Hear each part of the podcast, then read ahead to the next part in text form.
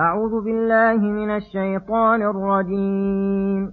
وقالت اليهود يد الله مغلولة غلت أيديهم ولعنوا بما قالوا بل يداه مبسوطتان ينفق كيف يشاء.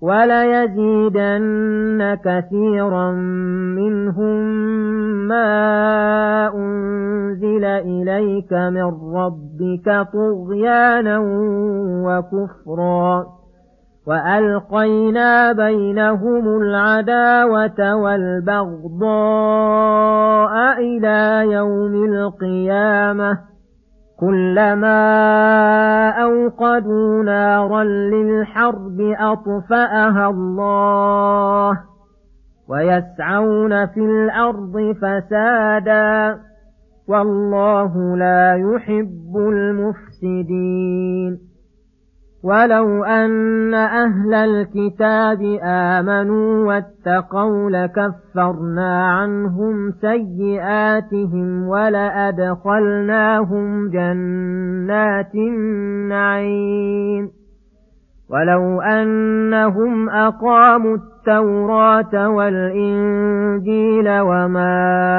أنزل إليهم من ربهم لأكلوا من فوقهم لأكلوا من فوقهم ومن تحت أرجلهم منهم أمة مقتصدة وكثير منهم ساء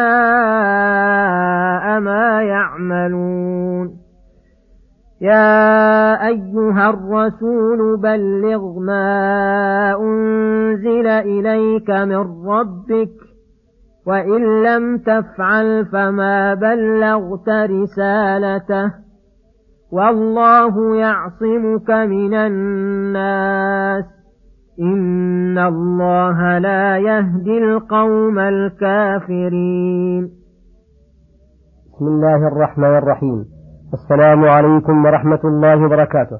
يقول الله سبحانه وقالت اليهود يد الله مغلولة غلت أيديهم ولعنوا بما قالوا بل يداه مبسوطتان ينفق كيف يشاء الآيات. خبر تعالى عن مقالة اليهود الشنيعة. وعقيدتهم الفظيعة فقال وقالت اليهود يد الله مغلولة. أي عن الخير والإحسان والبر. غلت أيديهم ولعنوا بما قالوا. وهذا دعاء عليهم. بجنس مقالتهم. فإن كلامهم متضمن لوصف الله الكريم بالبخل وعدم الإحسان. فجازاهم بأن كان هذا الوصف منطبقا عليهم؟ فكانوا أبخل الناس وأقلهم إحسانا. وأسوأهم ظنا وأسوأهم ظنا بالله. وأبعدهم عن رحمته. التي وسعت كل شيء. وملأت أقطار العالم العلوي والسفلي. ولهذا قال بل يداه مبسوطتان ينفق كيف يشاء. لا حجر عليه ولا مانع يمنعه مما أراد. إنه تعالى قد بسط فضله وإحسانه الديني والدنيوي. وأمر العباد أن يتعرضوا لنفحات جوده وأن لا يسدوا على أنفسهم أبواب إحسانه بمعاصيهم. فيده سحاء الليل والنهار وخيره في جميع الأوقات مدرار. يفرج كربا ويزيل غما ويغني فقيرا ويفك أسيرا ويجبر كثيرا ويجيب سائلا. ويعطي فقيرا عائلا ويجيب مضطرين ويستجيب للسائلين وينعم على من لم يسأله ويعافي من طلب العافية ولا يحرم من خيره عاصيا بل خيره يرتع فيه البر والفاجر ويجود على أوليائه بالتوفيق لصالح الأعمال. ثم يحمدهم عليها ويضيفها إليهم فيضيفها إليهم وهي من جوده ويثيبهم عليها من الثواب العاجل والآجل. ما لا يدركه الوصف ولا يخطر على بال العبد ويلطف بهم في جميع أمورهم ويوصل إليهم من الإحسان ويدفع عنهم من النقم ما لا يشعرون بكثير منه. فسبحان من كل النعم التي بالعباد منه وإليه يجأر من في دفع المكاره وتبارك من لا يحصي أحد ثناء عليه بل هو كما أثنى على نفسه.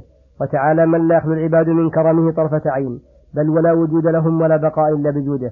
فقبح الله من استغنى بجهله عن ربه ونسبه إلى ما, إلى ما لا يليق بجلاله. بل لو عامل الله اليهود القائل تلك المقالة ونحوهم ممن حاله كحالهم ببعض قولهم لهلكوا وشقوا في دنياهم ولكنهم يقولون تلك الأقوال وهو تعالى يحلم عنهم ويصفح ويمهلهم ولا يهملهم. وقوله وليزيدن كثيرا منهم ما أنزل إليك من ربك طغيانا وكفرا. وهذا من أعظم العقوبات على العبد أن يكون الذكر الذي أنزله الله على رسوله الذي فيه حياة القلب والروح وسعادة الدنيا والآخرة وفلاح الدارين الذي هو أكبر منة امتن الله بها على عباده توجب عليهم المبادرة إلى قبولها والاستسلام لله بها. وشكرا لله عليها أن تكون مثل هذا زيادة غي إلى غيه وطغيان إلى طغيانه وكفر إلى كفره وذلك بسبب إعراضه عنها ورده لها ومعارضته إياها ومعارضته لها بالشبه الباطلة. وألقينا بينهم العداوة والبغضاء إلى يوم القيامة فلا يتألفون ولا يتناصرون ولا يتفقون على حالة فيها مصلحتهم بل, بل لم يزالوا متباغضين في قلوبهم متعادين بأفعالهم إلى يوم القيامة. كلما أوقدوا نارا للحرب ليكيدوا بها الإسلام وأهله وأبدوا وأعادوا وأجلبوا بخيلهم ورجلهم أطفأها الله بخذلانهم وتفرق جنودهم وانتصار المسلمين عليهم. ويسعون في الأرض فسادا أي يجتهدون ويجدون ولكن بالفساد في الأرض أي بعمل المعاصي والدعوة إلى دينهم الباطل والتعويق عن الدخول في الإسلام.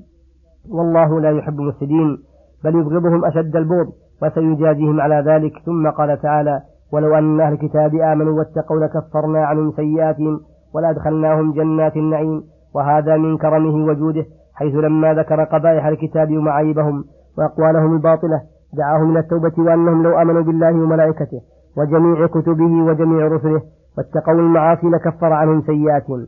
ولو كانت ما كانت ولأدخلهم جنات النعيم التي فيها ما تشتهي الأنفس وتلذ الأعين. ولو أنهم أقاموا التوراة والإنجيل وما أنزل إليهم من ربهم أي قاموا بأوامرها كما ندبهم الله وحثهم.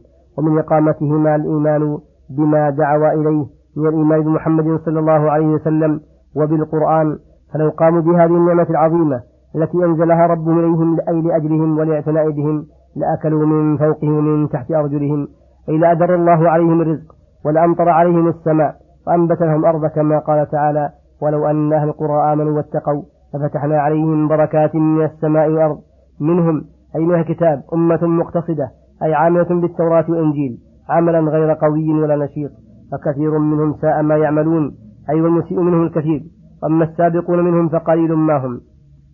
ثم يقول سبحانه يا أيها الرسول بلغ ما أنزل إليك من ربك وإن لم تفعل فما بلغت رسالة الآيات. هذا أمر من الله لرسول محمد صلى الله عليه وسلم بأعظم الأوامر وأجلها وهو التبليغ لما أنزل الله إليه. ويدخل في هذا كل أمر تلقته الأمة عنه صلى الله عليه وسلم. من العقائد والأعمال والأقوال والأحكام الشرعية والمطالب الإلهية. فبلغ صلى الله عليه وسلم أكمل تبليغ ودعا وأنذر وبشر ويسر وعلم الجهال الأميين حتى صاروا من العلماء الربانيين وبلغ بقوله وفعله وكتبه ورسله. فلم يبق خير إلا دل أمته عليه ولا شر إلا حذرها عنه وشهد له بالتبليغ أفاضل الأمة من الصحابة فمن بعدهم من أئمة الدين ورجال المسلمين. وإن لم تفعل أي لم تبلغ ما أنزل إليك من ربك فما بلغت رسالته. أي فما امتثلت أمره. والله يعصمك من الناس. هذه حماية وعصمة من الله رسوله صلى الله عليه وسلم. من الناس. وأنه ينبغي أن يكون حرصك على التعليم والتبليغ ولا يثنيك عنه خوف من المخلوقين. فإن نواصيهم بيد الله. قد تكفل بعصمتك فأنت إنما عليك البلاغ المبين. ومن اهتدى في نفسه. أما الكافرون الذين لا قصد لهم إلا اتباع أهوائهم فإن الله لا يهديهم ولا يوفقهم من الخير بسبب كفرهم وصلى الله وسلم على نبينا محمد وعلى آله وصحبه أجمعين. وإلى الحلقة القادمة غدا إن شاء الله. السلام عليكم ورحمة الله وبركاته.